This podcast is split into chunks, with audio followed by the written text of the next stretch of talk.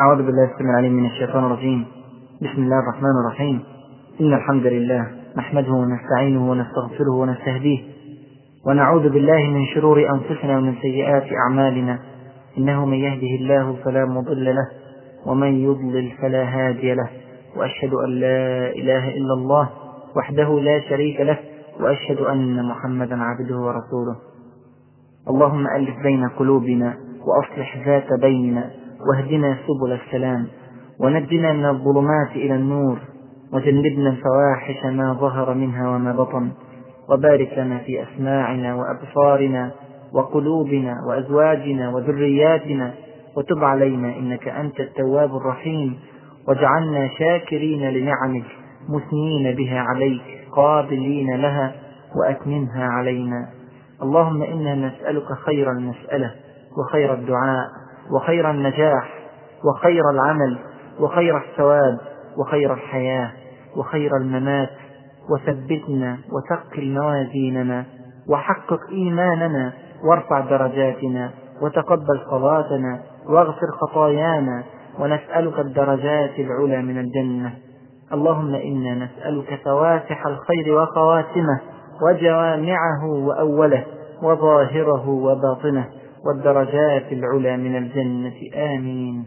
اللهم إنا نسألك خير ما نأتي وخير ما نفعل وخير ما نعمل وخير ما بطن وخير ما ظهر والدرجات العلى من الجنة. آمين.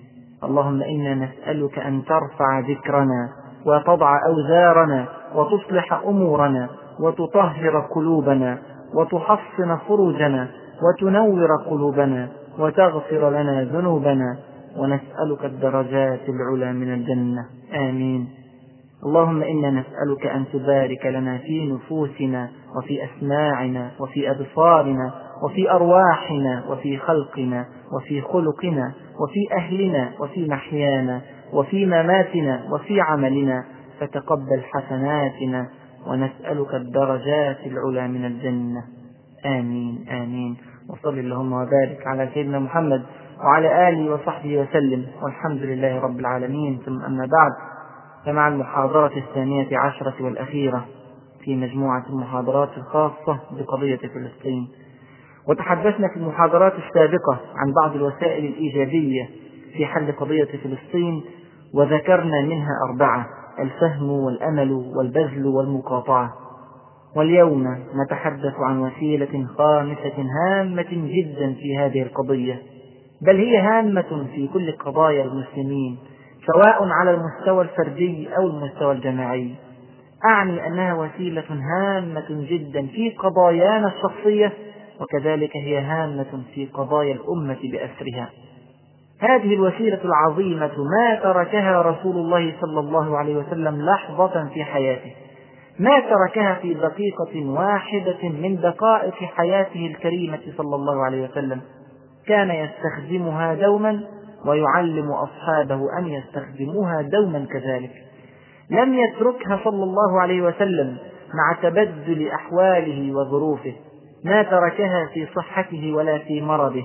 ما تركها في حله ولا في ترحاله. ما تركها في حربه ولا في سلمه. ما تركها في لحظات الشدة ولا في أوقات الرخاء. داوم عليها في السعادة والحزن. داوم عليها في الغنى والفقر. داوم عليها في النهار والليل. هذه الوسيلة هي منة من الله على عباده وفضل من الخالق على مخلوقاته. هذه الوسيلة هي عطاء فياض من الله عز وجل وراحة قلب دائمة للمؤمنين. ولكونها عظيمة ولفهمه صلى الله عليه وسلم لقيمتها ودرجتها وفضلها فقد أطلق عليها أنها هي العبادة. تلك الوسيلة هي الدعاء لله عز وجل وطلب العون منه سبحانه وتعالى. والدعاء ليس شيئا سلبيا. كثير من الناس يظنون أن الدعاء أمر مقابل للأخذ بالأسباب. يظنون أنه إما أن تأخذ بالأسباب وإما أن تدعو. وهذا خطأ كبير وسوء فهم عظيم. فالأعمال بصفة عامة لا يبارك فيها إلا إذا كنت متوكلا على الله سبحانه وتعالى. ومن يتوكل على الله فهو حسبه. والتوكل على الله يقتضي الاعتقاد الجازم بقدرته وقوته وسلطانه سبحانه وتعالى. وأن الأمور لا تتم إلا بإرادته سبحانه. وذلك مع الأخذ بكامل الأسباب. دون الاعتقاد في قدرة الأسباب بذاتها قال بعض الناس لأنس بن مالك رضي الله عنه ادعوا الله لنا. قال الدعاء يرفعه العمل الصالح. أي لا بد من عمل مع الدعاء وإلا يصبح تواكلا منبوذا نعطي مثالا حتى نقرب الصورة. المريض مثلا لا بد أن يأخذ الدواء لأنه أخذ بالأسباب ولا بد أيضا أن يسأل الله الشفاء. ولا بد مع هذا أن يعتقد أن الدواء لن يفيد إلا إذا أراد الله سبحانه وتعالى. إذا الدعاء لم يمنع من أخذ الدواء والدواء لم يمنع من الاستعانة بالدعاء. إذا الدعاء ليس أمرا جانبيا في قضية فلسطين أو في غيرها من القضايا. ليس أمرا اختياريا إن شئت فعلته وإن شئت تركته أبدا. الدعاء ركن أساس من أركان النصر وسبب أكيد من أسباب رفعة المسلمين. أيضا يخطئ كثير من الناس بأن يلجأوا للدعاء إذا فشلت الأسباب ولا يطرقون باب الله سبحانه وتعالى إلا بعد طرق كل أبواب البشر. ورأينا في تاريخ فلسطين أن بعض المسلمين يتركون أبواب من لا يجوز لهم أن يطرقوا بابهم. وذلك قبل أن يتجهوا إلى من بيده ملكوت السماوات والأرض. وهذا جهل عظيم وفساد كبير. ولو تركوا بابه سبحانه وتعالى لاستجاب لهم وما أيسر الدعاء كي تصل به إلى السماء. سئل زين العابدين رحمه الله كم بين عرش الرحمن وتراب الأرض؟ قال دعوة مستجابة. سبحان الله أسرع الوسائل إلى عرش الرحمن. دعوة مستجابة. الدعاء يا إخوة ليس شيئا اختياريا. انظر إلى قوله سبحانه وتعالى وقال ربكم ادعوني أستجب لكم. إن الذين يستكبرون عن عبادتي سيدخلون جهنم داخرين. يقول ابن كثير رحمه الله إن الذين يستكبرون عن عبادتي أي عن دعائي وتوحيدي. فترك الدعاء استكبار. وسماه الله عبادة. وسماه رسول الله صلى الله عليه وسلم أيضا عبادة. روى الإمام أحمد وأصحاب السنن. وقال الترمذي حسن صحيح عن النعمان بن بشير رضي الله عنه أن الرسول صلى الله عليه وسلم قال إن الدعاء هو العبادة. ثم قرأ ادعوني أستجب لكم. إن الذين يستكبرون عن عبادتي سيدخلون جهنم داخرين. والرجل العظيم والسلطان الكبير والمتمكن من صنعته والبارع في مهنته قد يشعر أنه قد امتلك الأسباب فلا حاجة له في الدعاء. وهنا تكون الهزيمة تلو الهزيمة والانتكاسة تلو الانتكاسة. ناهيك عن حساب الآخرة. روى الإمام مسلم رحمه الله عن أبي هريرة رضي الله عنه وأرضاه أن رسول الله صلى الله عليه وسلم قال إنه ليأتي الرجل العظيم السمين يوم القيامة. لا يزن عند الله جناح بعوضة. اقرأوا فلا نقيم لهم يوم القيامة وزنا. ورسول الله صلى الله عليه وسلم في كل أحواله صلى الله عليه وسلم ما ترك الدعاء أبدا. وما يئس منه قط مهما تأخرت الإجابة ومهما طال الطريق. وكان أشد ما يكون دعاء ورجاء وخشوعا وابتهالا عند مواقف الضيق والشدة. يفزع إلى ربه ويحتمي بحماه ويطلب عونه ويرجو مدده وتأييده.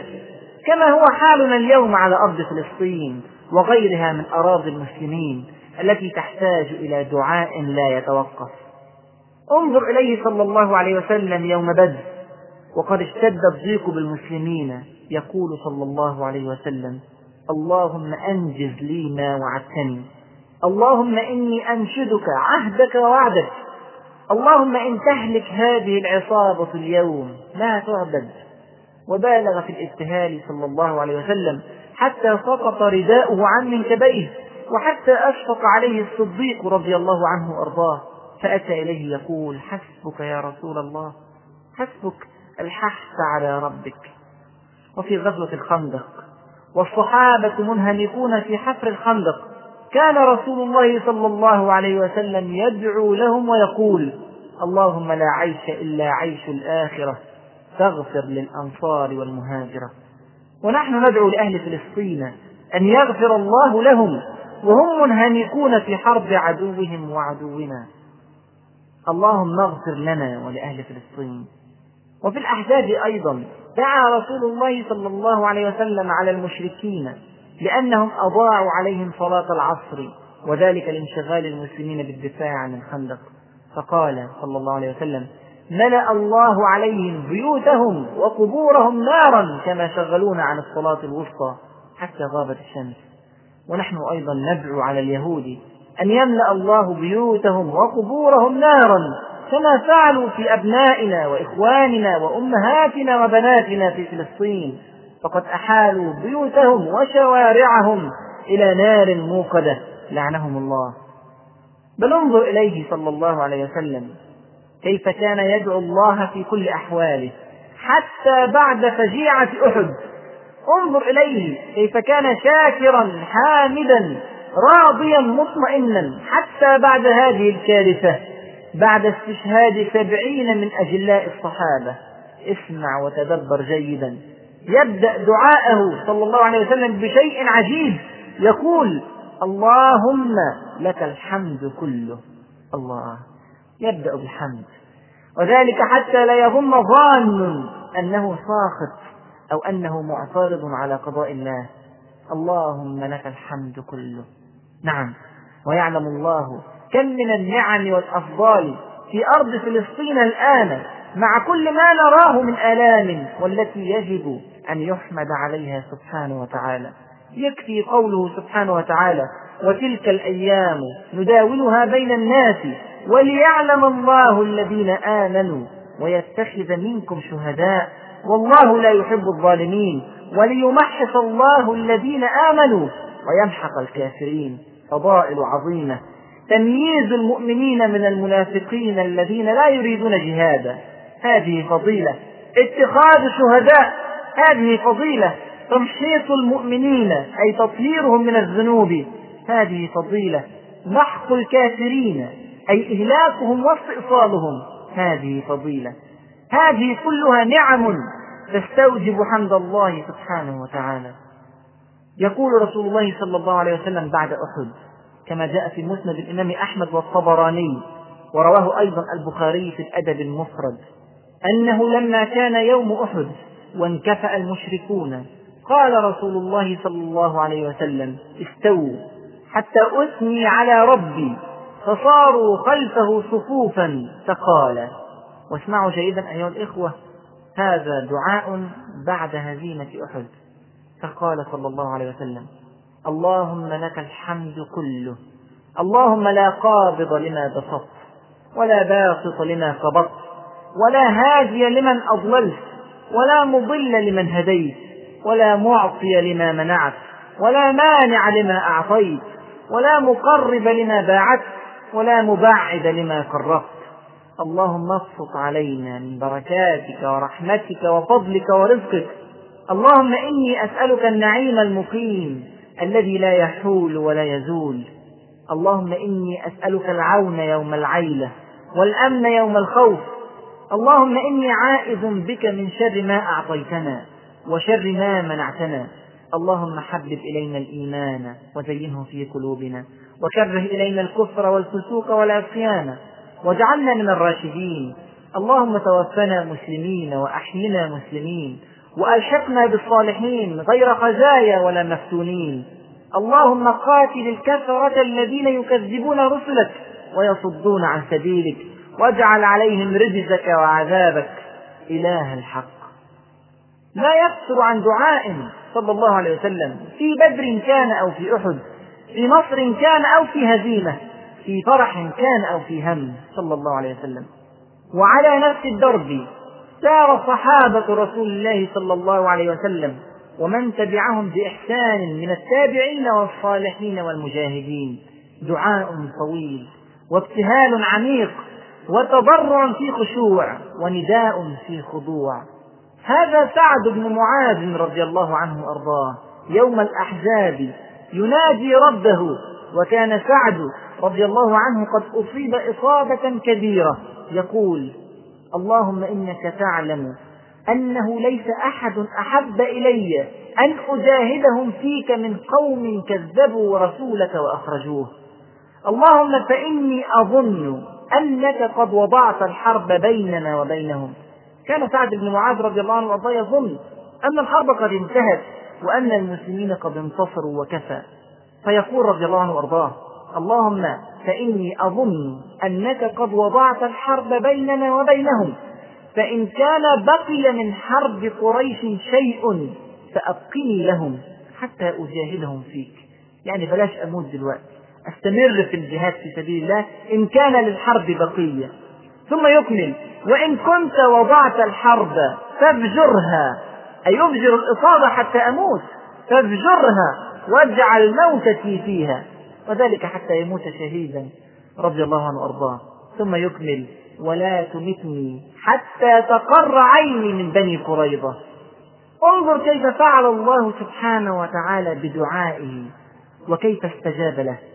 كانت الإصابة سببا لشهادته في سبيل الله لأن الحرب كانت قد وضعت فعلا في الأحزاب وأقر الله عينه من بني قريظة قبل أن يموت.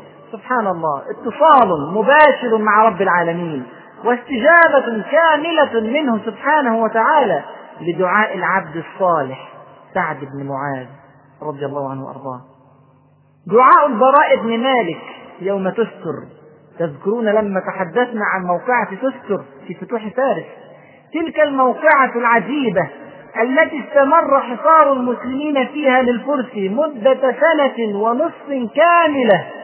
في آخر هذه المدة الطويلة جدا يدعو البراء بن مالك رضي الله عنه وأرضاه دعاء قصيرا لكنه عجيب. يقول اللهم امنحنا أكتافهم وألحقني بنبيك. يطلب النصر ويطلب الشهاده يتمنى الموت في سبيل الله. فإذا بالجيش ينتصر وإذا بحصن تستر يفتح. وإذا بالبراء يفوز بالشهادة ويلحق بنبي الله صلى الله عليه وسلم كما أراد. قال فيه رسول الله صلى الله عليه وسلم في حديث الترمذي عن أنس بن مالك رضي الله عنه وأرضاه وقال حديث حسن رب أشعث أخبر ذي طمرين الطمر هو الثوب البالي الرأس يعني رجل بسيط الهيئة رب أشعث أخبر ذي طمرين لا يؤبه له. لو أقسم على الله لأبره. منهم البراء بن مالك. يروي الإمام مسلم رحمه الله عن أبي هريرة رضي الله عنه. قال رب أشعث مدفوع بالأبواب. لو أقسم على الله لأبره. الاستجابة يا إخوة ليست بعظم المركز أو بقوة السلطان. الاستجابة تكون لطهارة القلب ونقاء القصد وجمال الطلب وإلحاح الطالب. وهذا هو النعمان بن مقرن رضي الله عنه وأرضاه يدعو في نهوند فيقول اللهم إني أسألك أن تقر عيني بفتح يكون فيه عز للإسلام وذل يذل به الكفار ثم اقبضني بعد ذلك على الشهادة. وانظروا ماذا يقول واجعل النعمان أول شهيد. الموت عندهم يا إخوة كان غاية كان هدف كان مطمح. النعمان بن مقرن يدعو أن يكون أول شهداء المسلمين. وانتهى من دعائه رضي الله عنه وأرضاه. فكان النصر للمسلمين. وكان النعمان أول مصاب ثم لا يستشهد إلا بعد أن يقر الله عينه بالنصر. وذلك كما فصلنا لكم من قبل في فتح نهوان. استجابات عجيبة وكرامات من الله سبحانه وتعالى لعباده المؤمنين. وهذا موقف عجيب من حروب الردة. نزل العلاء بن الحضرمي رضي الله عنه وأرضاه. قائد الجيش السابع من جيوش حروب الردة. نزل هو والجيش منزلا ليلا وكانوا في صحراء قاحلة. وما إن استقر الناس على الأرض حتى نفرت الإبل بما عليها من زاد الجيش والخيام والشراب ولم يقدروا منها على بعير واحد. في هذا الليل وفي هذه الصحراء. كارثة! تخيل! في صحراء قاحلة وتفقد الزاد والماء. وركب الناس من الهم والغم ما لا يوصف. فنادى العلاء عليهم. ثم قال في ثبات عجيب. أيها الناس ألستم المسلمين؟ ألستم في سبيل الله؟ ألستم أنصار الله؟ قالوا بلى. قال فأبشروا. فوالله لا يخذل الله من كان في مثل حالكم. انظروا إلى اليقين. وانظروا إلى أسباب عدم الخذلان. في سبيل الله وأنصار الله كيف يخذلهم الله؟ وبعد صلاة الفجر جثى العلاء بن الحضرمي رضي الله عنه وأرضاه على ركبتيه وجثى الناس ونصب في الدعاء ورفع يديه وفعل الناس مثله حتى طلعت الشمس وهم مجتهدون في الدعاء. حتى إذا فرغوا من دعائهم وجدوا بجوارهم شيئا عجبا. في عمق الصحراء وجدوا غديرا عظيما. جدول مياه جعل الله فيه ماء عذبا فراتا فمشى الناس إليه وشربوا واغتسلوا. ثم ما هي إلا لحظات حتى أقبلت الإبل من كل فج بما عليها. لم يفقد الناس من أمتعتهم شيئا. آية من آيات الله. وما هي من المؤمنين ببعيد؟ وليس والله يا إخوة في زمان الصحابة فقط. بل تعال وتدبر. في دعاء يوسف ابن تشفين رحمه الله زعيم دولة المرابطين العظيمة بعد أكثر من أربعة قرون من الصحابة. وذلك عندما ركب السفن لعبور مضيق جبل طارق إلى بلاد الأندلس ليحارب الصليبيين هناك في موقعة فاصلة. فهاج البحر وسارت الرياح وارتفعت الأمواج وكادت السفن أن تهلك. ماذا فعل يوسف بن تشفين رحمه الله؟ وقف في تضرع وخشوع. ناصبا قدمه رافعا يده مستحضرا قلبه وعقله يقول اللهم إن كنت تعلم أن في عبورنا هذا البحر خيرا للمسلمين فسهل علينا عبوره. وإن كنت تعلم غير ذلك فصعبه حتى لا أعبره. فإذا بالريح ترخو وإذا بالبحر يسكن وإذا بالجيش يعبر وإذا بالنصر يتم. هذا والله يا إخوة قليل من كثير وقلما تجد موقعة أو أزمة إلا وتجد الصالحين قد رفعوا أيديهم في خشوع. يطلبون من الله العون والتوفيق. هو المجيب للدعاء القادر على كل شيء سبحانه. إخواني في الله تأخر النصر قد يورث في قلوب البعض يأسا ويتبع ذلك اليأس فتور في الدعاء. قد يقول قائل أو يعلق معلق أو يزعم زاعم أنه كثيرا ما دعونا الله أن ينصر أهل فلسطين ومع ذلك ما زال الفلسطينيون يقتلون ويشردون ويظلمون. إن لم يقل ذلك بلسانه فقد ينطق به حاله وهذا أمر خطير يحتاج منا إلى وقفة ونظر. ولي عليه ثلاثة تعليقات.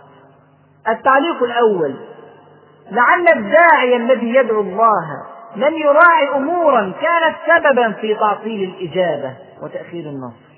بمعنى أن هناك أشياء إن فعلتها كانت إجابة دعائك أقرب وتلبية ندائك أرجى. ومن أخطر هذه الأشياء الحرص على الحلال في المطعم والمشرب والملبس وغير ذلك من الأمور. روى ابن مردويه عن ابن عباس رضي الله عنهما أن سعد بن أبي وقاص رضي الله عنه قام يسأل رسول الله صلى الله عليه وسلم ويقول ادعو الله أن يجعلني مستجاب الدعوة. فقال صلى الله عليه وسلم يا سعد أطب مطعمك تكن مستجاب الدعوة والذي نفس محمد بيده إن الرجل ليقذف اللقمة الحرام في جوفه ما يتقبل منه أربعين يوما وأيما عبد نبت لحمه من السحت والربا فالنار أولى به. السحت أي الحرام. أيما عبد نبت لحمه من السحت والربا فالنار أولى به. ومن المعلوم طبعا أن سعد بن أبي وقاص رضي الله عنه وأرضاه طيب المطعم. لكن رسول الله صلى الله عليه وسلم من رحمته يريد أن يعلم أمته جميعا طريقة يستجاب بها لدعائهم وينقذون بها من النار. يعلمنا صلى الله عليه وسلم أن نحرص على الحلال في كل أمورنا.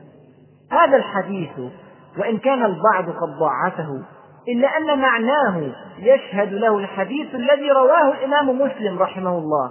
عن أبي هريرة رضي الله عنه قال قال رسول الله صلى الله عليه وسلم يا أيها الناس إن الله طيب لا يقبل إلا طيبا وإن الله أمر المؤمنين بما أمر به المرسلين. فقال يا أيها الرسل كلوا من الطيبات واعملوا صالحا إني بما تعملون عليم. وقال يا أيها الذين آمنوا كلوا من طيبات ما رزقناكم. ثم ذكر الرجل يطيل السفر أشعث أغبر ومطعمه حرام. وملبسه حرام وغذي بالحرام يمد يديه إلى السماء يا رب يا رب فأنى يستجاب لذلك. الرجل قد استكمل كثيرا من الأمور التي يستجاب لأجلها الدعاء فهو مسافر وليس مسافرا فقط بل يطيل السفر ثم هو يرفع يديه تضرعا إلى الله ثم هو يلح في الدعاء يا رب يا رب. ولكنه يعاني من مرض خطير مرض أكل الحرام. إذا من أهم موجبات إجابة الدعاء تحري الحلال. فإن كنت للحلال متحريا فهناك أمور أخرى. لو فعلتها كنت إلى الإجابة أقرب. منها مثلا تحري الأوقات الفاضلة كيوم عرفة وشهر رمضان ويوم الجمعة. والثلث الأخير من الليل والعشر الأوائل من ذي الحجة وغير ذلك من الأوقات الفاضلة. أيضا تحري الأحوال الشريفة وهي أحوال شريفة متاحة طوال العام أثناء السجود ودبر الصلوات وبين الأذان والإقامة وعند نزول الغيث وعند التقاء الجيوش وعند الخوف والوجل وعند رقة القلب وفي السفر. أشياء كثيرة جدا. هامة جدا لابد أن يتحراها المؤمن حتى يستجاب لدعائه كاملا. أيضا من موجبات إجابة الدعاء أن يكون القلب حاضرا غير لاه ولا غافل فإنه ليس من المعقول. أن تكون أنت المحتاج وترفع طلبك إلى الخالق وذهنك منشغل عنه مصروف إلى غيره. أيضا من موجبات إجابة الدعاء أن تلح في الدعاء وتصر عليه.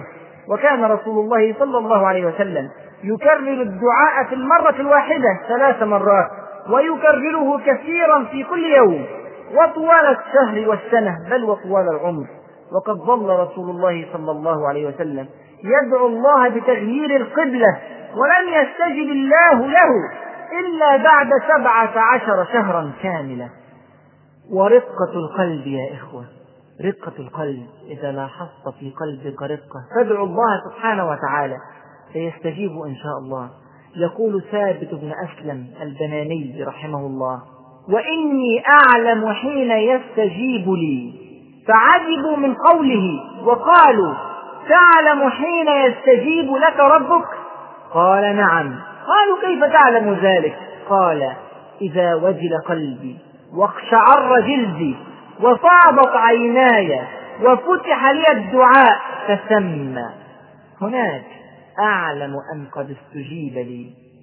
إذا هذا هو التعليق الأول على سؤال من قال أنه كثيرا ما دعونا ولا يستجاب لنا. التعليق الثاني أنه حتى لو استكملت صفات الدعاء المستجاب لا يجب أبدا أن يتعجل الإنسان الإجابة. لأن الله بحكمته يختار الوقت الأنسب للإجابة. روى الإمام مالك عن أبي هريرة رضي الله عنه أن النبي صلى الله عليه وسلم قال يستجاب لأحدكم ما لم يعجل. يقول دعوت فلم يستجب لي. أمر خطير. أرأيت رسول الله صلى الله عليه وسلم كيف دعا دعاء مستفيضا وهو شديد الحزن بعد خروجه من الطائف. وقد آذاه أهلها وسفهاؤها. وانظر إليه في دعائه يسطر قاعدة هامة للمسلمين. يقول إن لم يكن بك غضب علي فلا أبالي. ميعاد النصر تختاره أنت يا ربنا. لكن ما يهمنا هو ألا نرتكب ما يغضبه سبحانه وتعالى. ثم استجاب الله لدعائه بعدها بأيام. عندما أسلم ستة من الخزرج ثم بعد أكثر من عامين تأتي الهجرة والنصرة المتدرجة المتأنية.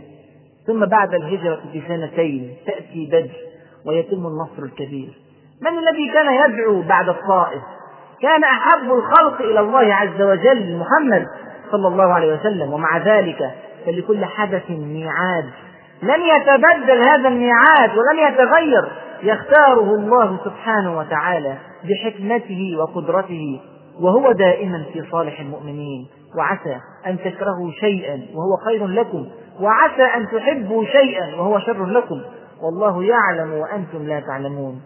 ثم إنك يا أخي الحبيب مستفيد على كل الأحوال سواء عجل بالإجابة أم لم يعجل. استمع إلى حبيبنا ومعلمنا صلى الله عليه وسلم. يقول في الحديث الذي رواه الإمام أحمد رحمه الله عن أبي سعيد الخدري رضي الله عنه وأرضاه ما من مسلم يدعو الله عز وجل بدعوة ليس فيها إثم ولا قطيعة رحم إلا أعطاه الله بها إحدى ثلاث خصال إما أن يعجل له دعوته وإما أن يدخرها له في الآخرة وإما أن يصرف عنه من السوء مثلها. يقول ابن الجوزي رحمه الله اعلم أن دعاء المؤمن لا يرد غير أنه قد يكون الأولى تأخير الإجابة أو يعوض بما هو أولى عاجلا أو آجلا. فينبغي للمؤمن ألا يترك الطلب من ربه فإنه متعبد بالدعاء كما هو متعبد بالتسليم والتفويض. هذا هو التعليق الثاني.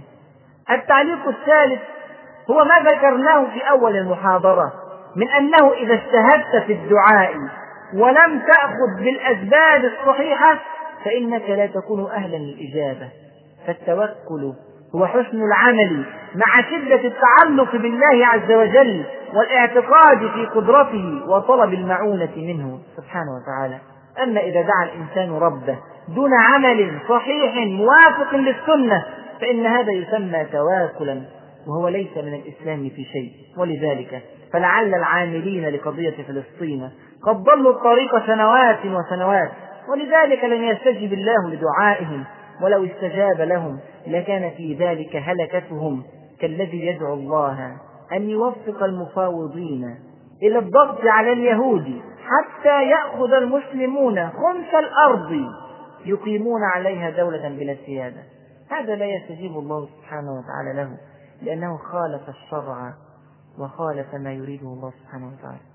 ثم يا أخي ما أدراك؟ قد تتحقق الإجابة وأنت لا تعلم. ما أدراك أن طائرة تقصف؟ فيصد قصفها بدعاء رجل بسيط في غرفة منعزلة في قرية صغيرة في طرف من أطراف العالم. ما أدراك أن مخططا يهوديا شيطانيا يدبر في الظلام فإذا به يحبط بدعاء مرأة عجوز أو طفل صغير في بلد قريب أو بعيد من فلسطين. ما أدراك أن حجارة تطلق من يد شاب مجاهد فتحمل إلى رأس يهودي مسلح فتقتله كما قتل داود جالوت وذلك بدعاء جماعة من المسلمين في قنوتهم يدعون للمسلمين المجاهدين بالتوفيق. ويدعون على اليهود بالهلكة والزلزلة والتدمير. لا تستهينوا أبدا يا إخوة بالدعاء. فإنه والله من أمضى الأسلحة. روى البزار والطبراني والحاكم وقال صحيح الإسناد عن السيدة عائشة رضي الله عنها وعن أبيها. قالت قال رسول الله صلى الله عليه وسلم لا يغني حذر من قدر والدعاء ينفع مما نزل ومما لم ينزل. وإن البلاء لينزل فيلقاه الدعاء فيعتلجان إلى يوم القيامة. فيعتلجان إلى يوم القيامة يتصارعان إلى يوم القيامة. ثم إنه بدعائك لأهل فلسطين فإنه يتحقق لك ما دعوت به لهم. إن دعوت لهم بالتوفيق وفقك الله إن دعوت لهم بالمغفرة غفر الله لك. إن دعوت لهم بالسلامة سلمك الله. إن دعوت لهم بالثبات ثبتك الله. إن دعوت على عدوهم بالهلكة أهلك الله عدوك.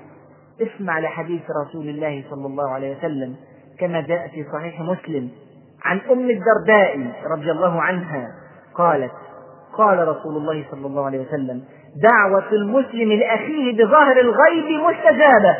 عند رأسه ملك موكل. كلما دعا لأخيه بخير قال الملك الموكل به آمين ولك بمثل. آمين ولك بمثل هكذا. كلما دعوت لأخيك هناك في فلسطين كلما تحقق لك ما تدعو له به. ولا تنسوا يا إخواني في دعائكم لأهل فلسطين أن تدعوا على من ظلمهم من اليهود ومن عاونهم وساندهم ورضي بأفعالهم وكان على شاكلتهم فإن رسول الله صلى الله عليه وسلم قنت أربعين يوما يدعو على من قتل قراء المسلمين في مأساة بئر معونة. واقرأوا التاريخ. كان رسول الله صلى الله عليه وسلم أيضا يقول في بعض أيامه التي لقي فيها العدو كما جاء في البخاري ومسلم عن عبد الله بن أوفى رضي الله عنهما اللهم منزل الكتاب ومجري السحاب وهازم الأحزاب اهزمهم وانصرنا عليهم. وفي رواية اللهم اهزمهم وزلزلهم. وروى أبو داود والنسائي بسند صحيح عن أبي موسى الأشعري رضي الله عنه أن النبي صلى الله عليه وسلم كان إذا خاف قوما قال اللهم إنا نجعلك في نحورهم ونعوذ بك من شرورهم. اللهم إنا نجعلك في نحور اليهود ونعوذ بك من شرورهم. اللهم إنا نجعلك في نحور من ساعد اليهود ورضي بأفعالهم ونعوذ بك من شرورهم جميعا. ثم إليك يا أخي صورة دعاء. يفضل أن تبدأ الدعاء بحمد الله والثناء عليه وتمجيده ثم الصلاة على رسول الله صلى الله عليه وسلم. ثم الدعاء لنا ولأهل فلسطين ولعامة المجاهدين ولعامة المسلمين بالثبات والسلامة والمغفرة والرحمة. ثم تدعو على من ظلم المسلمين من اليهود وغيرهم. ثم تختم بعد ذلك بالصلاة والسلام على رسول الله صلى الله عليه وسلم. وبحمده سبحانه وتعالى على فضيلة تمكيننا من الدعاء. تفعل ذلك وأنت موقن بالإجابة. وإن كنت قد لاحظت أن الكرب قد اشتد بنا فعليك بدعاء الكرب. روى البخاري ومسلم عن ابن عباس رضي الله عنهما أن رسول الله صلى الله عليه وسلم كان يقول عند الكرب لا إله إلا الله العظيم الحليم لا إله إلا الله رب العرش العظيم لا إله إلا الله رب السماوات ورب الأرض رب العرش الكريم. هذا هو دعاء رسول الله صلى الله عليه وسلم عند الكرب. أخي الحبيب اعلم أن الله إذا أطلق لسانك بالدعاء فهو يريد أن يعطيك فأكثر. وإذا ألهمك أن تعطي في سبيله فهو يريد أن يكافئك فأكثر. وإذا يسر لك طاعة فهو يريد أن يجتبيك ويقربك فأكثر. أخي الحبيب لو تريد فعلا أن تسهم بشيء إيجابي حاسم لفلسطين استيقظ الليلة الليلة قبل الفجر بساعة أو بساعة ونصف. وادعوا الله لهم بالثبات وادعوا على عدوهم بالهلكة. روى البخاري عن أبي هريرة رضي الله عنه أن رسول الله صلى الله عليه وسلم قال ينزل ربنا تبارك وتعالى كل ليلة إلى السماء الدنيا حين يبقى ثلث الليل الآخر. يقول من يدعوني فأستجيب له من يسألني فأعطيه من يستغفرني فأغفر له. يا الله يا ربي تعاظم كرمك وتسامى جودك وتعالى فضلك. يا أخي الحبيب أليست لك دعوة لهذا الإله الكريم تشتاق إلى إجابتها؟ أليست لك حاجة لهذا الإله الجواد تتمنى أن يعطيها لك؟ أليس لك ذنب في حق هذا الإله الغفار تتمنى أن يغفره لك؟ إن كان لك دعوة أو حاجة أو ذنب فاستيقظ الليلة الليلة والحذر الحذر. فلو مرت الليلة فإنها لن تعود إلى يوم القيامة. في هذه المجموعة من المحاضرات تحدثنا عن خمسة من الوسائل الإيجابية لنصرة حبيبتنا فلسطين. هذه الوسائل يجمعها أنها في مقدور عموم الأمة الإسلامية في مقدور العامل والزارع والطبيب والمهندس في مقدور رجل الأعمال وفي مقدور الطالب والتلميذ. في مقدور الشيخ الكبير والشاب الصغير في مقدور الرجل وفي مقدور المرأة. ليس لأحد منا عذر ولا يستثنى أحد. هذه الوسائل الخمسة هي فهم القضية فهما صحيحا وتحريكها بين الناس بسرعة. قتل الهزيمة النفسية في قلوب المسلمين وبث الأمل في عودة اليقظة للأمة الإسلامية. بذل المال قدر المستطاع وتحفيز الناس عليه.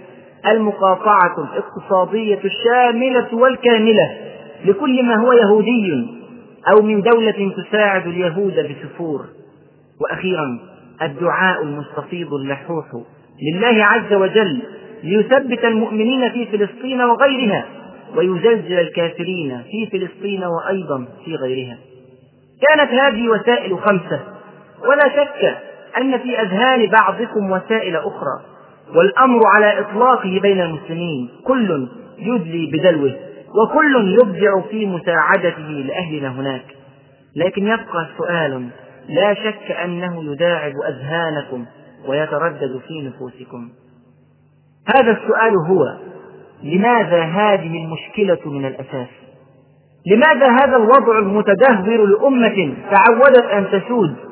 لماذا هذا الاحتلال البغيض لحفنة من اليهود الخبثاء لا يتجاوزون بضعة ملايين في وجود أمة كثيرة مليار وثلث مليار من المسلمين. لماذا هذا الاجتماع والتوافق بين أمم الأرض على أمة المسلمين؟ لماذا عدم الاقتراف في تعليقات وتصرفات اليهود ومن معهم عند الحديث عن المسلمين؟ ستجد هذا يصرح بأن حضارة الغرب كانت دائما أعلى من حضارة المسلمين وكذب. وتجد هذا يعلن أنها حربا صليبية على المسلمين وصدق وتجد آخر يصرح بالتهديد بقتل زعماء المسلمين. وذاك يهدد بضرب منشآت حيوية كالسد العالي وغيره. لماذا هذه الجرأة على المسلمين؟ ثم لماذا هذا التفاعل المتراخي من قبل المسلمين لأشياء ما كان السابقون يسكتون على معشرها. السبب في كل هذا أمر أدى في النهاية إلى احتلال فلسطين وتبجح اليهود وتسلط الغرب. باتت هناك مشكلة وأصبحنا نبحث عن حل. إذا ازدهمت بك الخطوب وتعددت أمامك السبل وشعرت أنك تائه حيران فعليك بحديث رسول الله صلى الله عليه وسلم. والله يا إخوة وجدت حديثا لرسول الله صلى الله عليه وسلم يصف الأحداث وكأنه صلى الله عليه وسلم يراها رأي العين. هذا الحديث رواه الإمام أحمد وأبو داود رحمهم الله عن ثوبان رضي الله عنه مولى رسول الله صلى الله عليه وسلم. واللفظ هنا لأبي داود قال قال رسول الله صلى الله عليه وسلم يوشك الأمم أن تداعي عليكم؟ تداعي بضم التاء وكسر العين. تعني كما جاء في عون المعبود لشرح سنن أبي داود أن يدعو بعضهم بعضا. يدعو بعضهم بعضا على أمة المسلمين.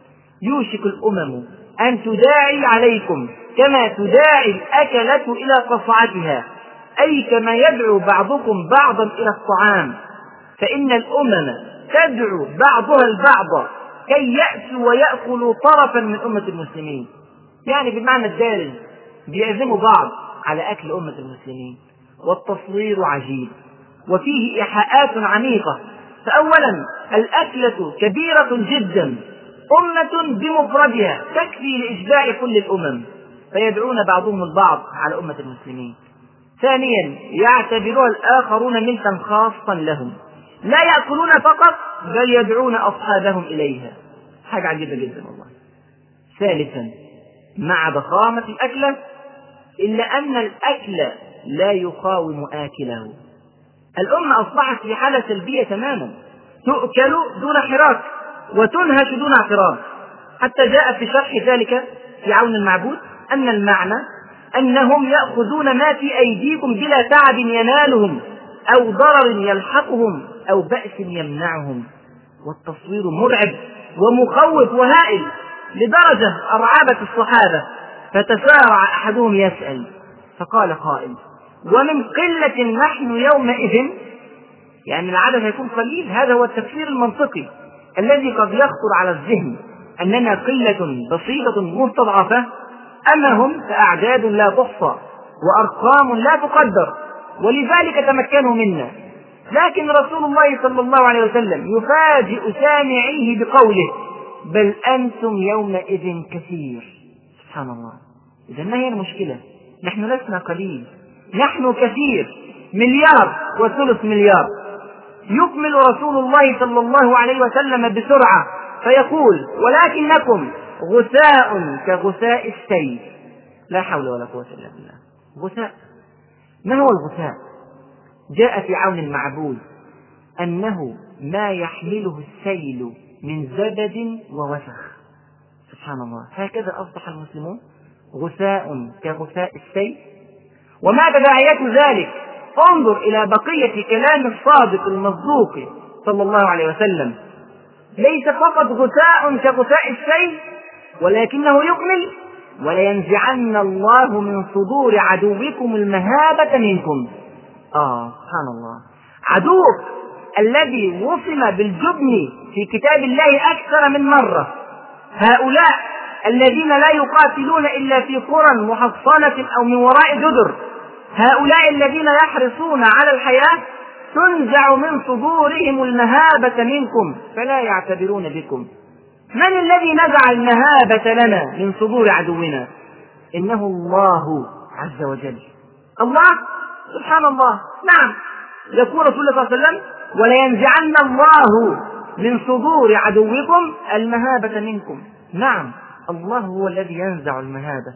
لما خالف المسلمون المنهج سلط عليهم الله من هو شر منهم حتى يعودوا إلى ربهم.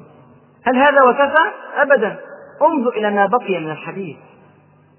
ولينزعن الله من صدور عدوكم المهابة منكم وليقذفن الله في قلوبكم الوهن. الله الله هو الذي يقذف الوهن في قلوب المسلمين؟ نعم. أيضا الله هو الذي يقذف الوهن والضعف والخور والجبن وقلة الحيلة في قلوب المسلمين. لماذا؟ عقابا لهم على أمر خطير وشيء عظيم. تسارع الصحابة يسألون عن هذا الوهم أو يسألون عن سببه. فقال قائل يا رسول الله وما الوهم؟ هذه كارثة ضخمة وما الوهم؟ قال واسمعوا جيدا يا إخوة هذا هو موطن الداء قال رسول الله صلى الله عليه وسلم حب الدنيا وكراهية الموت. وهما كما جاء في عون المعبود أمران متلازمان فكأنهما شيء واحد. يدعوهم إلى إعطاء الدنية في الدين. ونسأل الله العافية. إذا يا إخوة الأمر واضح وجلي. ورسول الله صلى الله عليه وسلم تركنا على البيضاء ليلها كنهارها لا يزيغ عنها إلا هالك. موطن الداء هو حب الدنيا وكراهية الموت. إذا مصيبة الأمة الآن هي تعاظم حب الدنيا في قلوب المسلمين. ومن أجل الدنيا يرضى المسلمون بالدنية في دينهم ولو هانت عليهم الدنيا. لقويت شوكتهم وعز سلطانهم ولألقيت المهابة للمسلمين في قلوب الأعداء بدلا من أن تنزع من صدورهم. الدنيا كلما تعاظمت في النفوس قلت قيمة الآخرة عند الإنسان. الدنيا وتعاظمها في النفوس كانت سببا مباشرا لاحتلال فلسطين ولاحتلال غيرها من بلاد المسلمين.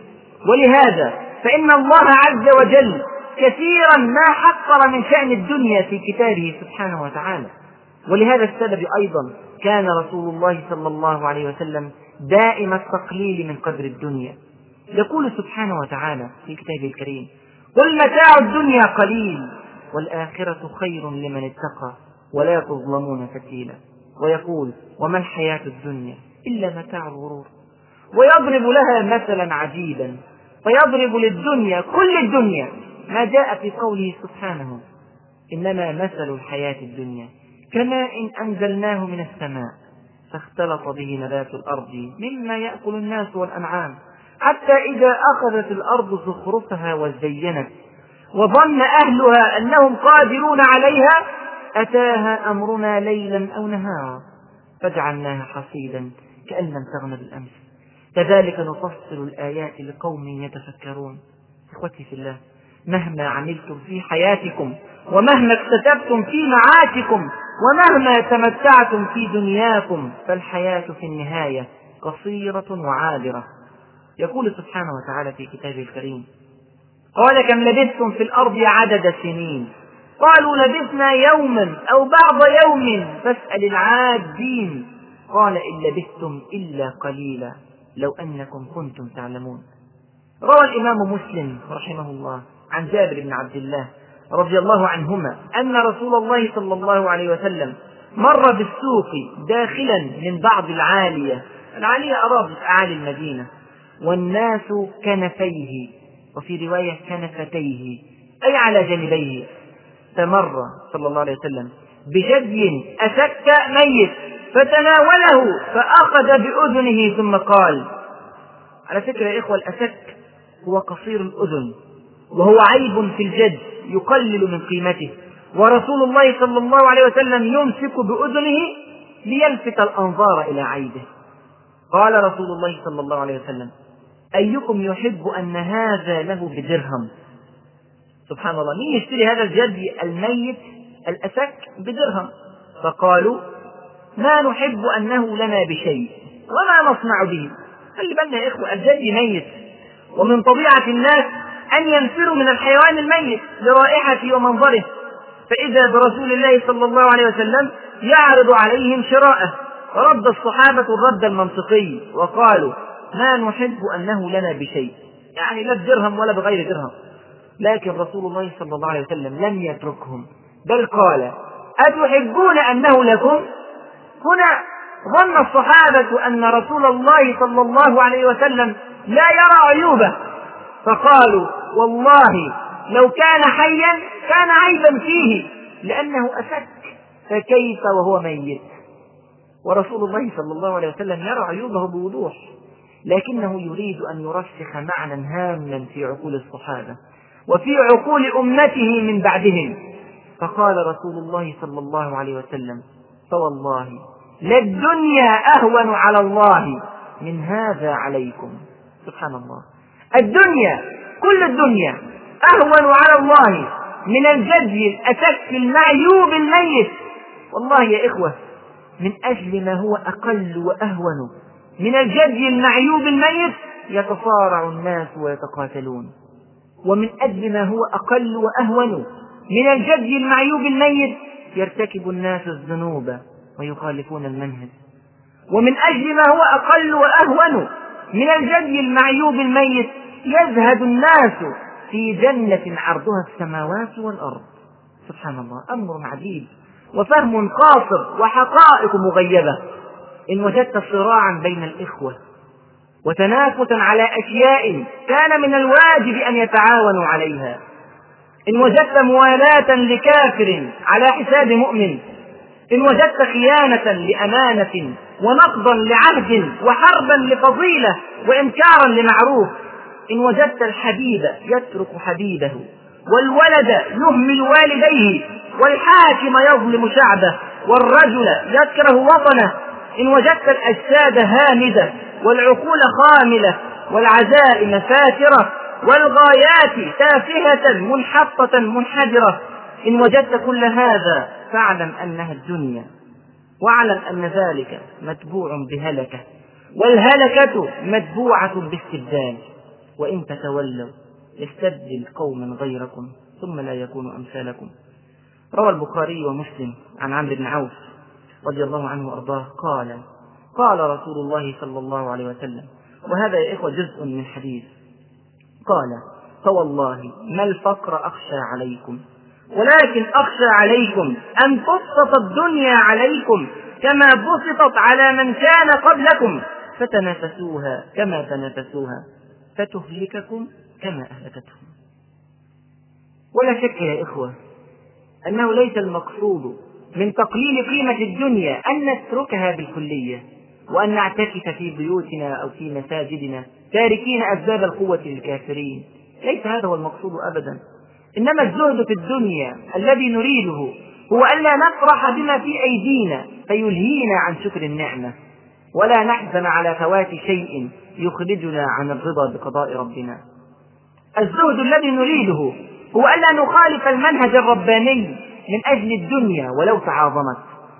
الزهد الذي نريده هو ألا يتصارع الأخوان على شيء من حطام الدنيا وألا تكون المنافسة بينهم إلا في أمور الآخرة. وفي ذلك فليتنافس المتنافسون. الزهد الذي نريده هو أن نفرغ للآخرة أوقاتا كما فرغنا للدنيا أو يزيد. الزهد الذي نريده هو أن ننتصر على الشيطان فلا يوسوس لنا أن الطريق الأمثل للجنة هو أعمال الدنيا فقط وأن العمل عبادة. فتجد الرجل يقضي معظم يومه منهمكا في جمع الدنيا بحجة أنه في عبادة. ولا يجد وقتا لربه ولا لنفسه ولا لأبنائه وزوجته ولا لوالديه ولا لرحمه ولا لمجتمعه ولا لأمته. الزهد الذي نريده أن نحصل على القوة فلا تطغينا وأن نحصل على المال فلا يلهينا.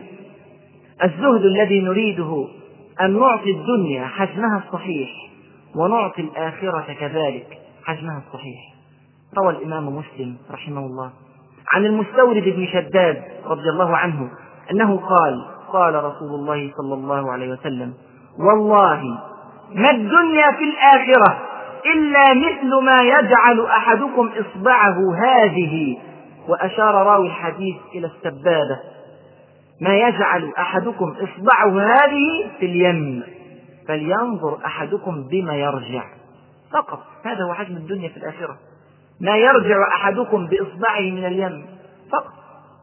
هذا الزهد الذي تحدثنا عنه لا يحرمنا من عمارة الأرض ومن سياستها ولا يحرمنا من أموالنا وأملاكنا ومتاعنا ولكن فقط يقننها وفق قانون الله ويحدها بحدود الله ويصرفها فيما يرضي الله ويمنعها عما يغضب الله.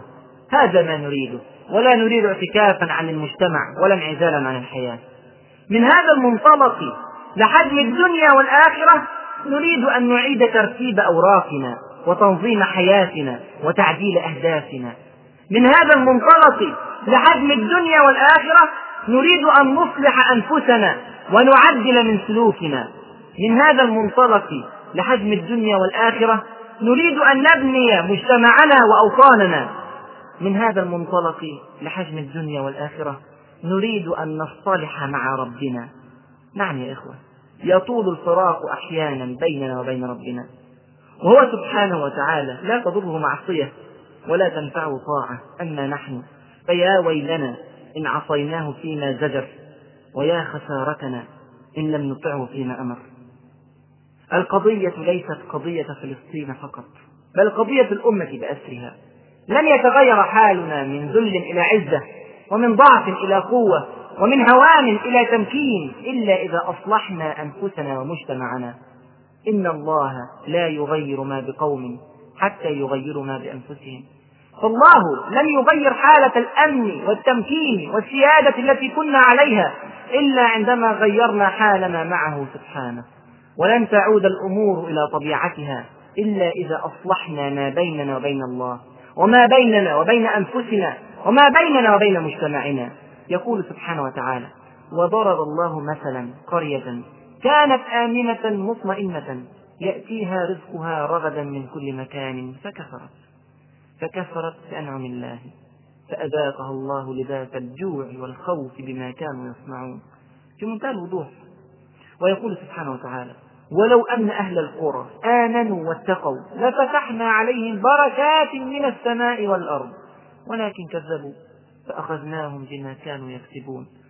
وانظر إلى قوم سبأ في كتاب الله وكما ذكرنا من قبل كتاب الله ليس كتابا للتأريخ يصف أحوال الأمم السابقة لمجرد العلم بل هي العبرة. انظر إلى قوم سبأ. لقد كان لسبأ في مسكنهم آية جنتان عن يمين وشمال كلوا من رزق ربكم واشكروا له. بلدة طيبة رب غفور. فأعرضوا. ماذا حدث بعد الإعراض؟ فأعرضوا. فأرسلنا عليهم سيل العرم وبدلناهم بجنتيهم جنتين ذواتي أكل خمس وأكل وشيء من سدر قليل. ذلك جزيناهم بما كفروا. وهل نجازي إلا الكفور؟ سبحان الله. من هذا المنظور يا إخوة ستصبح حياتنا بأسرها منظومة متناغمة متناسقة تهدف إلى شيء واحد هو رضا الله سبحانه وتعالى. وتتخذ طريقا واحدا هو الذي بينه الله عز وجل وسار فيه الحبيب محمد صلى الله عليه وسلم. يصل الطريق إلى جائزة واحدة هي الجنة. من هذا المنظور تصبح كل حركاتنا وكل سكناتنا أو كل تصبح كل حياتنا حلا لقضية فلسطين وعونا لأهلنا هناك ودعما لجهود المجاهدين. من هذا المنظور سنعيش فترة بناء حقيقية. من هذا المنظور تصبح صلاتنا في جماعة دعما لقضية فلسطين. وتصبح قراءتنا للقرآن دعما لقضية فلسطين. ويصبح تسبيحنا وتحميدنا وتكبيرنا وتهليلنا وكل ذكرنا دعما لقضية فلسطين. وكذلك يصبح بر الوالدين وصلة الرحم ورعاية الجار وحفظ الطريق وعون الملهوف وإعانة المحتاج وستر المسلم. يصبح كل ذلك دعما لفلسطين. وكذلك يصبح غض البصر وحفظ الفرج وصيانة اللسان ووقاية السماع وطاعة الجوارح يصبح كل ذلك دعما لفلسطين. وكذلك يصبح الأمر بالمعروف والنهي عن المنكر وتعليم الناس الخير ودعوة الآخرين إلى الفضيلة. يصبح كل ذلك دعما لفلسطين. وكذلك يصبح التواضع والكرم والإخاء والمودة والتسامح والتهادي والاعتدال والإيثار دعما لقضية فلسطين. وكذلك تصبح محاربة الربا. ومقاطعة الرشوة ونبذ الفرقة وترك المحرمات والبعد عن الشبهات. يصبح كل ذلك دعما لقضية فلسطين وكذلك يصبح علمك ودراستك وجدك وتفوقك دعما لقضية فلسطين. وكذلك تصبح أمانتك في مصنعك في متجرك في حقلك في عيادتك في شركتك. كل هذا يصبح دعما لقضية فلسطين. تتحول حياتنا يا إخوة كل حياتنا إلى دعم قضية فلسطين وقضية الشيشان وكشمير وأفغانستان والبوسنة وغيرها. بل تتحول حياتنا لدعم حياتنا. نحن أول من يستفيد من طاعتنا لربنا. يرفع الله عنا البلاء ويكشف الضراء وتشرق الأرض بنور ربها. كفانا صراعات بيننا وبين فطرتنا السليمة. كفانا بعدا عن طريق قويم لا عوج له. كفانا سعيا وراء أناس ما عرفوا الله كما عرفناه. بذلك ندرك أن حل قضية فلسطين بأيدينا وليس بأيدي غيرنا. بذلك ندرك أن قضية فلسطين ليست قضية هامشية في حياتنا بل هي محور حياتنا كل حياتنا. بذلك ندرك أن عدونا ما هزمنا لقوته ولكن لضعفنا.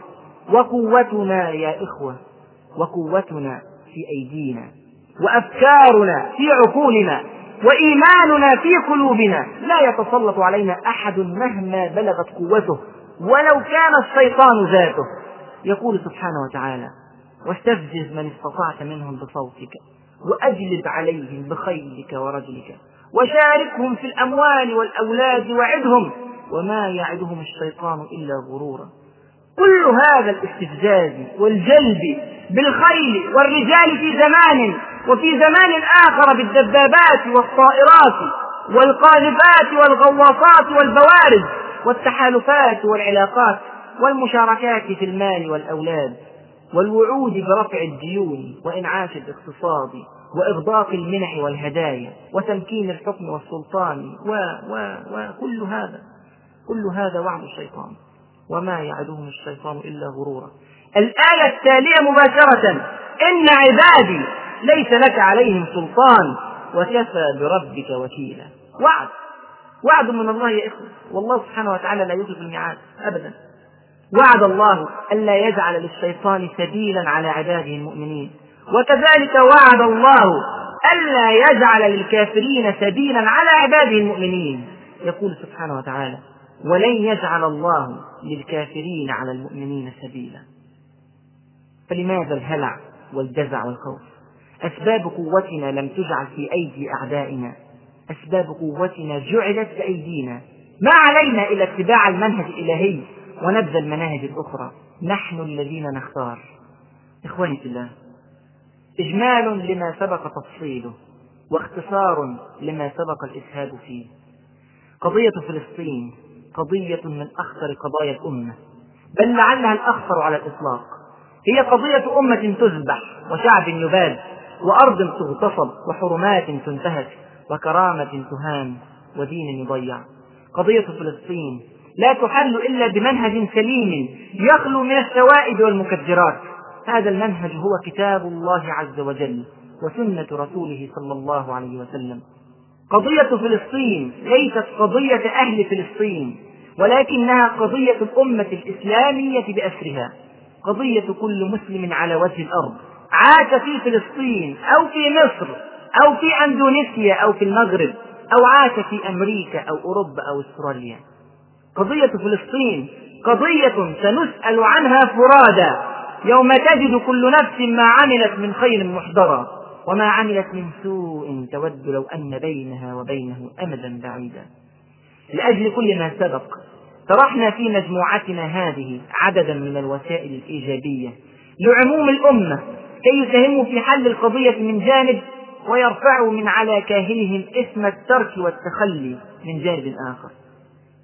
الوسيلة الأولى كانت الفهم الصحيح للقضية وتحريك القضية بهذا الفهم وبسرعة. وتحت هذا العنوان ناقشنا بعض القضايا والمفاهيم.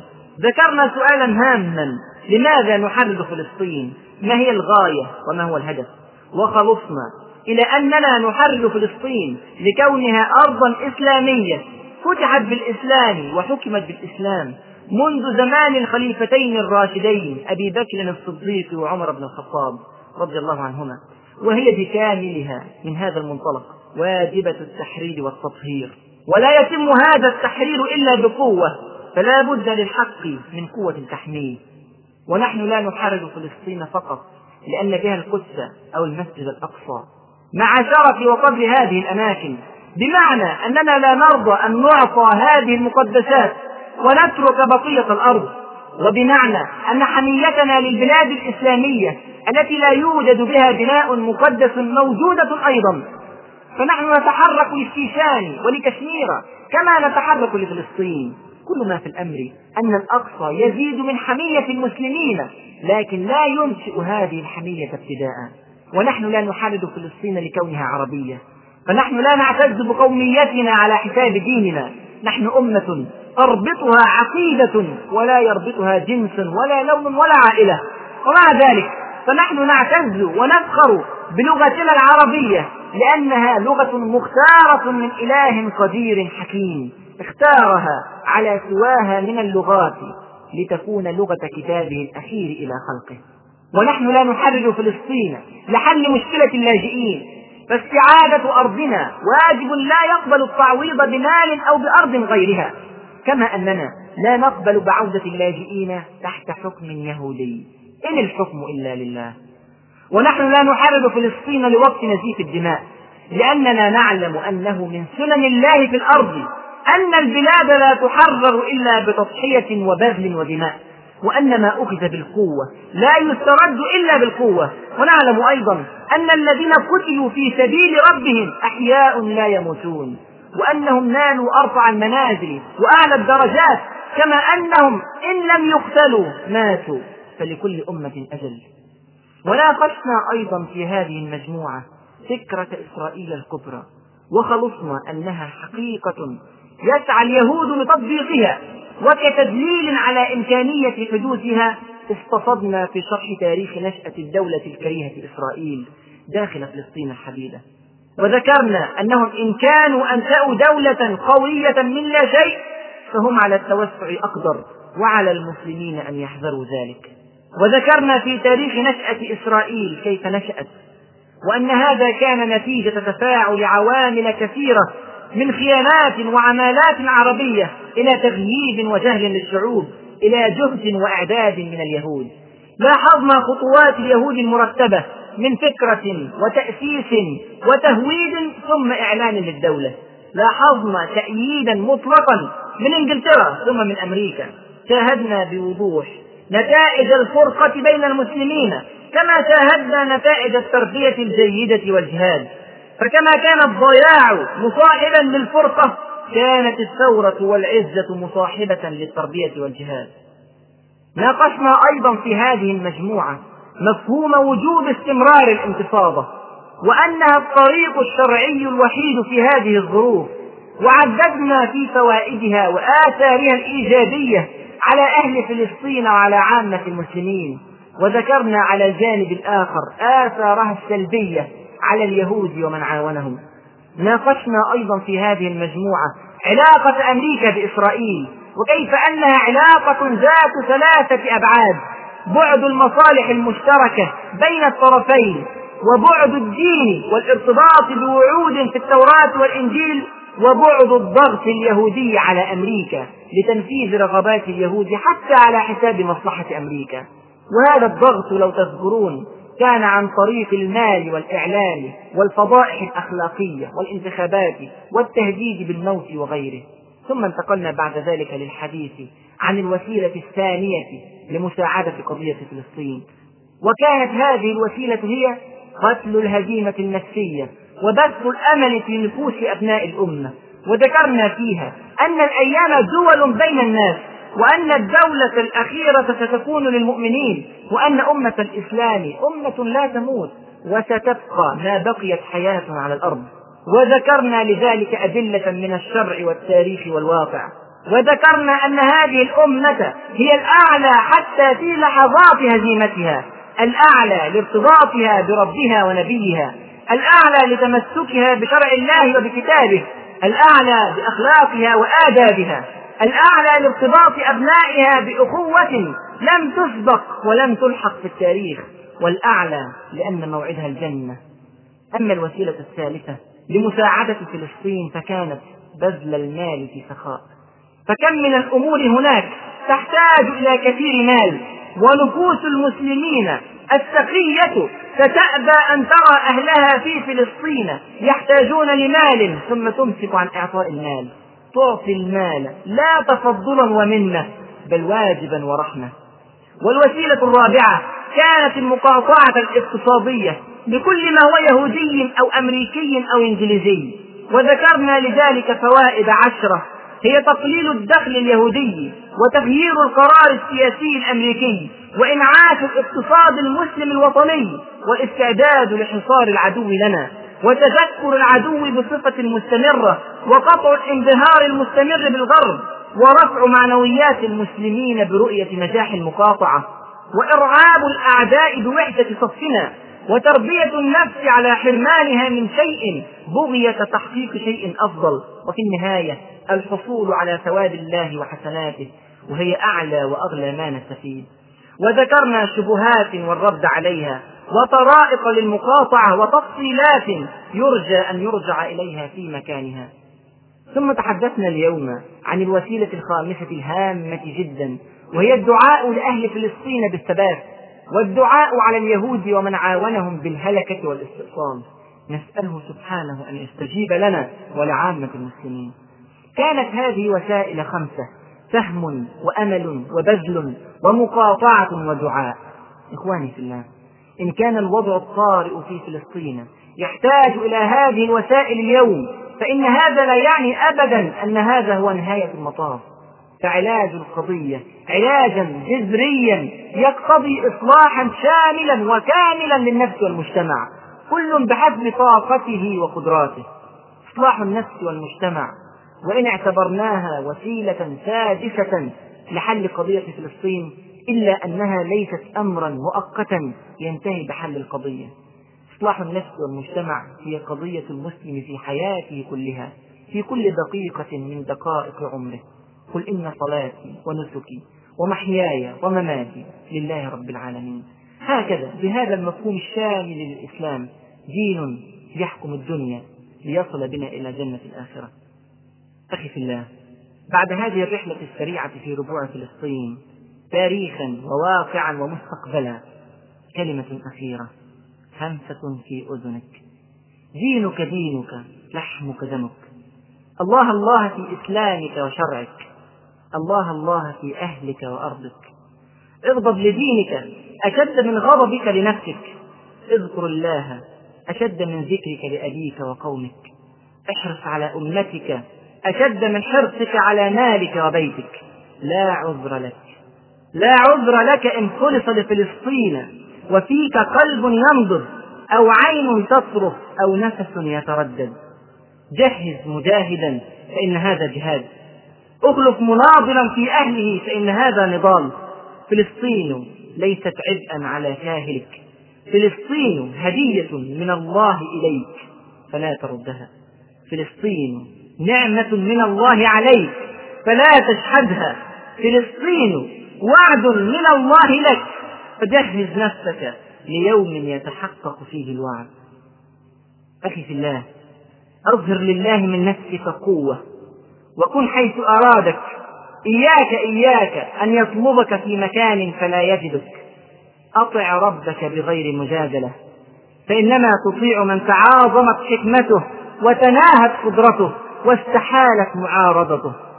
لا تعمل بمعصية الله وأنت في سبيل الله. أخي المؤمن جدد النية فإن الشيطان يجري من ابن آدم مجرى الدم من العروق. نقي السريرة فإن الله يعلم خائنة الأعين وما تخفي الصدور. عظم الغاية فإنما هي حياة واحدة قبل أن تموت. أخي المؤمن لا تقولن ليس لمثلي أن يعمل في سبيل الله.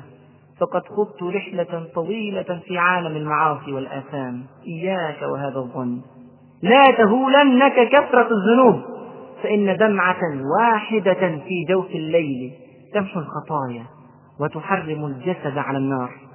فلنبدأ اليوم من جديد وصفحتنا بيضاء إن شاء الله. أخي المؤمن ارفع الرأس فالمؤمن لا ينحني إلا لخالقه. احمل الراية فإنما أخرج المؤمن ليقتدى به. أسرع الخطى فلم يبق يا أخي على الجنة إلا خطوات. أخي في سبيل الله لا تغرنك قوة جسد ولا كثرة مال ولا وفرة علم ولا طلاقة لسان ولا بأس ملك أو عز سلطان. لا يغرنك كل هذا فهذا كله إلى فناء ثم لا يبقى بعد ذلك إلا قلب وعمل. أخي في سبيل الله إن كثرت أمامك العوائق وآثرت تعلقا بدنيا وظننت أن الطريق مستحيل وأنه كما يقول بعضهم لا فائدة فلا تغفل عن قوله سبحانه ولكن كره الله انبعاثهم فثبطهم. فاعلم أن المؤمن لا يثبط وأن الله إن وجد إعراضا متكررا من الرجل أعرضه عنه وكرهه وثبطه وعطله. فاعلم أن صفة الكسل الدائم لا تكون إلا في المنافقين فلا تكونن منهم. وتحرك أخي في سبيل الله طريقنا طويل فلا بد لك من صبر. فلا تعجل فإن العجلة من الشيطان. ولا تستر فرب فتور لا يتبع بقيام. ولا تركن فإن الماء الراكد يأسن ويتعسن. أخي المؤمن طريقنا طويل فلا تسيرن فيه بغير صحبة. وانتقي من الناس من إذا رأيته ذكرك بالله. واعلم أن الحسابات عند الله مختلفة. فواحد وواحد قد لا يساويان اثنين فالمرء وأخوه قد يساويان عشرة والمرء بدون أخيه. قد لا يساوي شيئا. أخي في سبيل الله. لا تضيع وقتا. فهذا أثمن ما تمتلك. عمرك محدود ليس فيه زيادة ولا إمهال ولحظات النهاية تقترب. لا تضيع وقتا. اعمل حثيثا. قبل أن يأتي يوم لا عمل فيه. ابدأ الساعة فرب نفس خرج ولا يعود. ورب دقة قلب لا تتبع بأخرى بهذه البداية يا إخوة. بهذه البداية لن تكون نهاية فلسطين. بهذه البداية لن تصبح فلسطين أندلسا أخرى. اللهم ارحم عبدا أرشد العباد إليك وطهر قلبا حبب القلوب فيك وزكي نفسا شوقت النفوس إلى الاعتماد عليك. آمين آمين. وإلى مجموعة تاريخية قادمة إن شاء الله. فستذكرون ما أقول لكم وأفوض أمري إلى الله. إن الله بصير بالعباد. أقول قولي هذا وأستغفر الله لي ولكم وجزاكم الله خيرا كثيرا.